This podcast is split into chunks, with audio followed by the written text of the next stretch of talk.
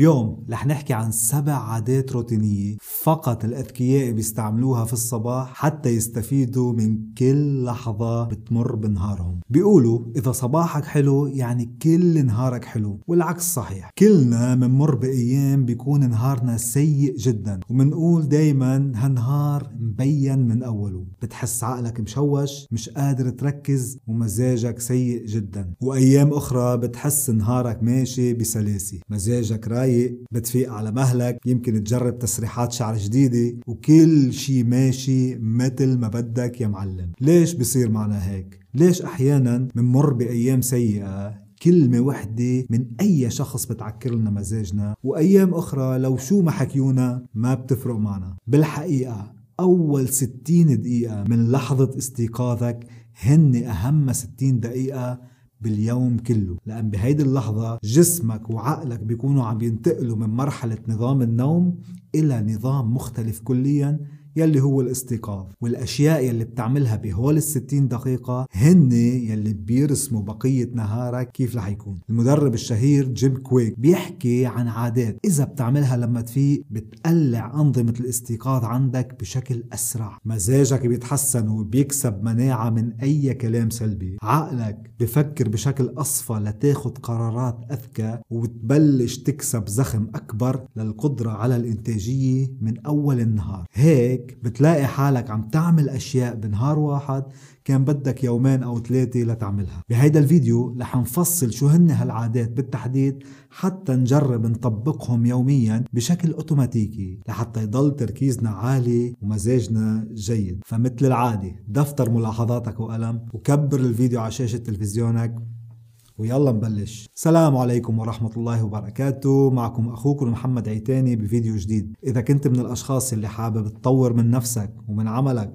وتكون مميز بمجتمعك أهلا بيك. أنت بالمكان الصحيح. العادة الأولى هي تسجيل الأحلام. العبقري ألبرت أينشتاين كان يجرب ياخد قيلولة وبإيده ملعقة حديد. أول ما يخفى وتفلت هالملعقة على الأرض وتطلع صوت كان يفيق ويسجل على ورقة شو شاف بمنامه. لما سألوه تلاميذه ليش هيك عم تعمل؟ قال لهم معظم الحلول لمشاكلي بستوحيها من المنام يلي كنت عم شوفه يلي كان أينشتاين عم بيعمله هو استغلال قوة العقل الباطن عنده. عادة بخلال النهار بيقطع معنا مشاكل كتير وأمور لازم تنحل. من قد نهارنا كله عم نحاول نلاقي حلول لهال المشاكل. يمكن ننجح بحل بعضها ونأجل البعض الآخر. لكن آخر النهار لما ننام عقلنا الباطلي ما بينام. بضلوا عم بيشتغل لحتى يجرب يلاقي حل للمسائل العالقة يلي ما أنهيناها خلال النهار. وعادة قدرة عقلنا الباطني على التحليل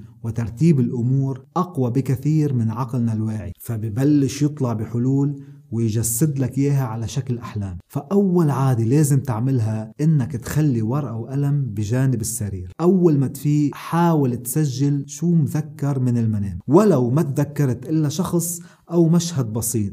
لأن مع الأيام وكثرة التمرين على عادة التسجيل بتبلش تتذكر أكثر وبتفهم شو هن الحلول يلي عم بيحاول يجسد لك إياها عقلك الباطني بالمنام. العادة الثانية هي شرب الماء. جيم كويك بيقول إنه عقلنا مكون من 80% من المياه. معظمنا بنشف جسمنا من الماء خلال النوم. لأنه طبعا بيقطع بساعات طويلة بدون شرب. بوقت بنستخدم كثير من المياه وبصير عنا نوع من النشفان خاصة بالدماغ. فحاول إنك تشرب الكثير من المياه عند الاستيقاظ بأول ساعة. هيك ترجع بتعوض نقص المياه يلي عقلك بأمس الحاجة لها حتى يرجع يقلع بطريقة صحيحة. هلأ في ناس ما بيقدروا يشربوا مي أول ما يفيقوا لأن بحسوا بتلبك بالمعدة. ففيك عوضا عن شرب الماء إنك تشرب شاي أخضر لأنه غني بمادة اسمها ECGC يلي بتساعد على نمو العصب بالدماغ وبتخلي التواصل بين الأعصاب يحصل بشكل أسرع. ثلاثة brain food أي غذاء العقل. دايما بنسمع عن أكل مفيد مفيد للأعضاء بالجسم. بيقولوا لك هيدا الأكل مفيد للكلاوي للقلب وحتى أعضاء غيرها. لكن منتجاهل أهم عضو لازم يتغذى يلي هو العقل. فحاول دائما بفطورك يكون في أطعمة بتساعد على تغذية العقل.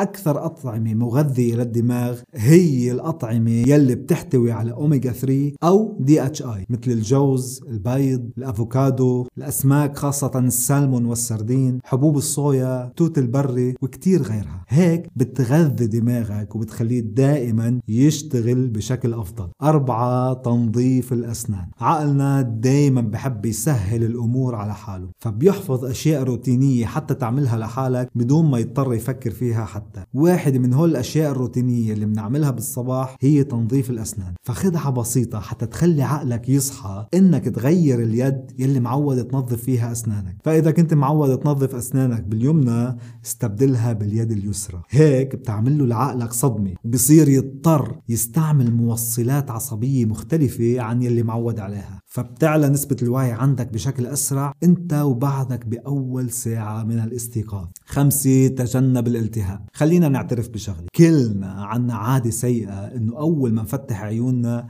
دغري بنكمش الهاتف حتى نشوف شو وصلنا رسائل وإشعارات خلال الليل وشو هن الأخبار يلي فاتتنا نحن ونايمين. هالشي ممكن تعتبره أمر عادي. شو فيها إذا قضينا 10 ل 20 دقيقة بالسرير أول ما نوعى عم نقلب بين التطبيقات. لكن هول العشر دقايق هن يلي رح يحددوا مزاجك كل النهار. وأول ما تفتح السيل من الأخبار والإشعارات عقلك بيعمل clogging أي بتنحشر المعلومات وعقلك بصير بده وقت ليصرفها. أحيانا هول المعلومات بياخدوا ساعات دماغنا بيكون عم بيحاول يحللها بدون ما نحن ننتبه. هيدا غير إنك بتكون عرضة لتتلقى خبر سيء بيعكر لك مزاجك وبنزله لمستوى سيء جدا. وبصير بدك وقت كتير حتى تنظف هالسلبية. وطبعا هالأمر بياخد منك مجهود مضاعف تتضاعف حتى تقدر ترجع للمستويات السعيدة يلي عندك. فنصيحة ما تبلش نهارك بعادة كسولة. ترسم لك طريق الخمول بكل النهار. اترك الهاتف على جنب قدر المستطاع خاصة بأول ساعة حتى تخلي جسمك وعقلك ينتقلوا من نظام النوم إلى نظام الاستيقاظ بالشكل الطبيعي الصحي. هيك بتكسب زخم إنتاجية من بداية النهار وبتلاقي حالك قادر تقوم مهمات أكبر بشكل أسهل. صدقني بعد التجربة أكثر من 99% من الإشعارات على الهاتف بيقدروا ينطروا ساعة بدون ما تخرب الدنيا. ستة القرارات المسبقة. طبعا أول ما تفيق بتكون بعد ما وصلت لكامل وعيك وعقلك ما وصل لمستويات تفكيره الطبيعية. فأحيانا أمور بسيطة مثل اختيار الملابس أو الفطور ممكن يشكلوا عائق بالنسبة لك خاصة إذا بعدك مشوش التفكير ومش مركز مزبوط لذلك وحدة من الخدع البسيطة يلي فيك تعملها إنك تخطط قبل ما تنام لهول الأمور الروتينية. كل يوم قبل ما تطلع على السرير أعطي لنفسك 10 إلى 15 دقيقة حتى حتى تختار شو هن الملابس يلي رح ترتديها تاني يوم وشو هو الأكل المتوفر عندك يلي قادر تحضره بكرة للفطور. وتأكد أيضا أنه الأشياء الضرورية يلي بدك تاخدها معك إلى العمل أو المدرسة بمكانها مثل المفاتيح اللابتوب الشنطة هيك ما بتلهي نفسك بأمور روتينية بسيطة بأهم ساعة من نهارك. سبعة التواصل مع من تحب.